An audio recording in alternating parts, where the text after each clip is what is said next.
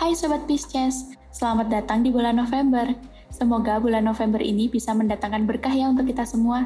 Anyway, di musim pancaroba seperti ini, kalian tuh wajib banget mengonsumsi vitamin, supaya daya tahan tubuh kalian tuh nggak mudah drop.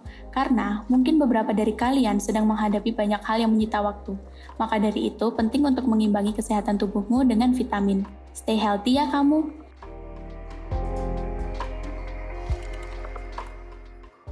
Percinta untuk Sobat Pisces Lovebird, berhenti untuk menjadi sosok yang egois. Tanpa kamu sadari, pasanganmu sudah banyak berkorban perasaan loh.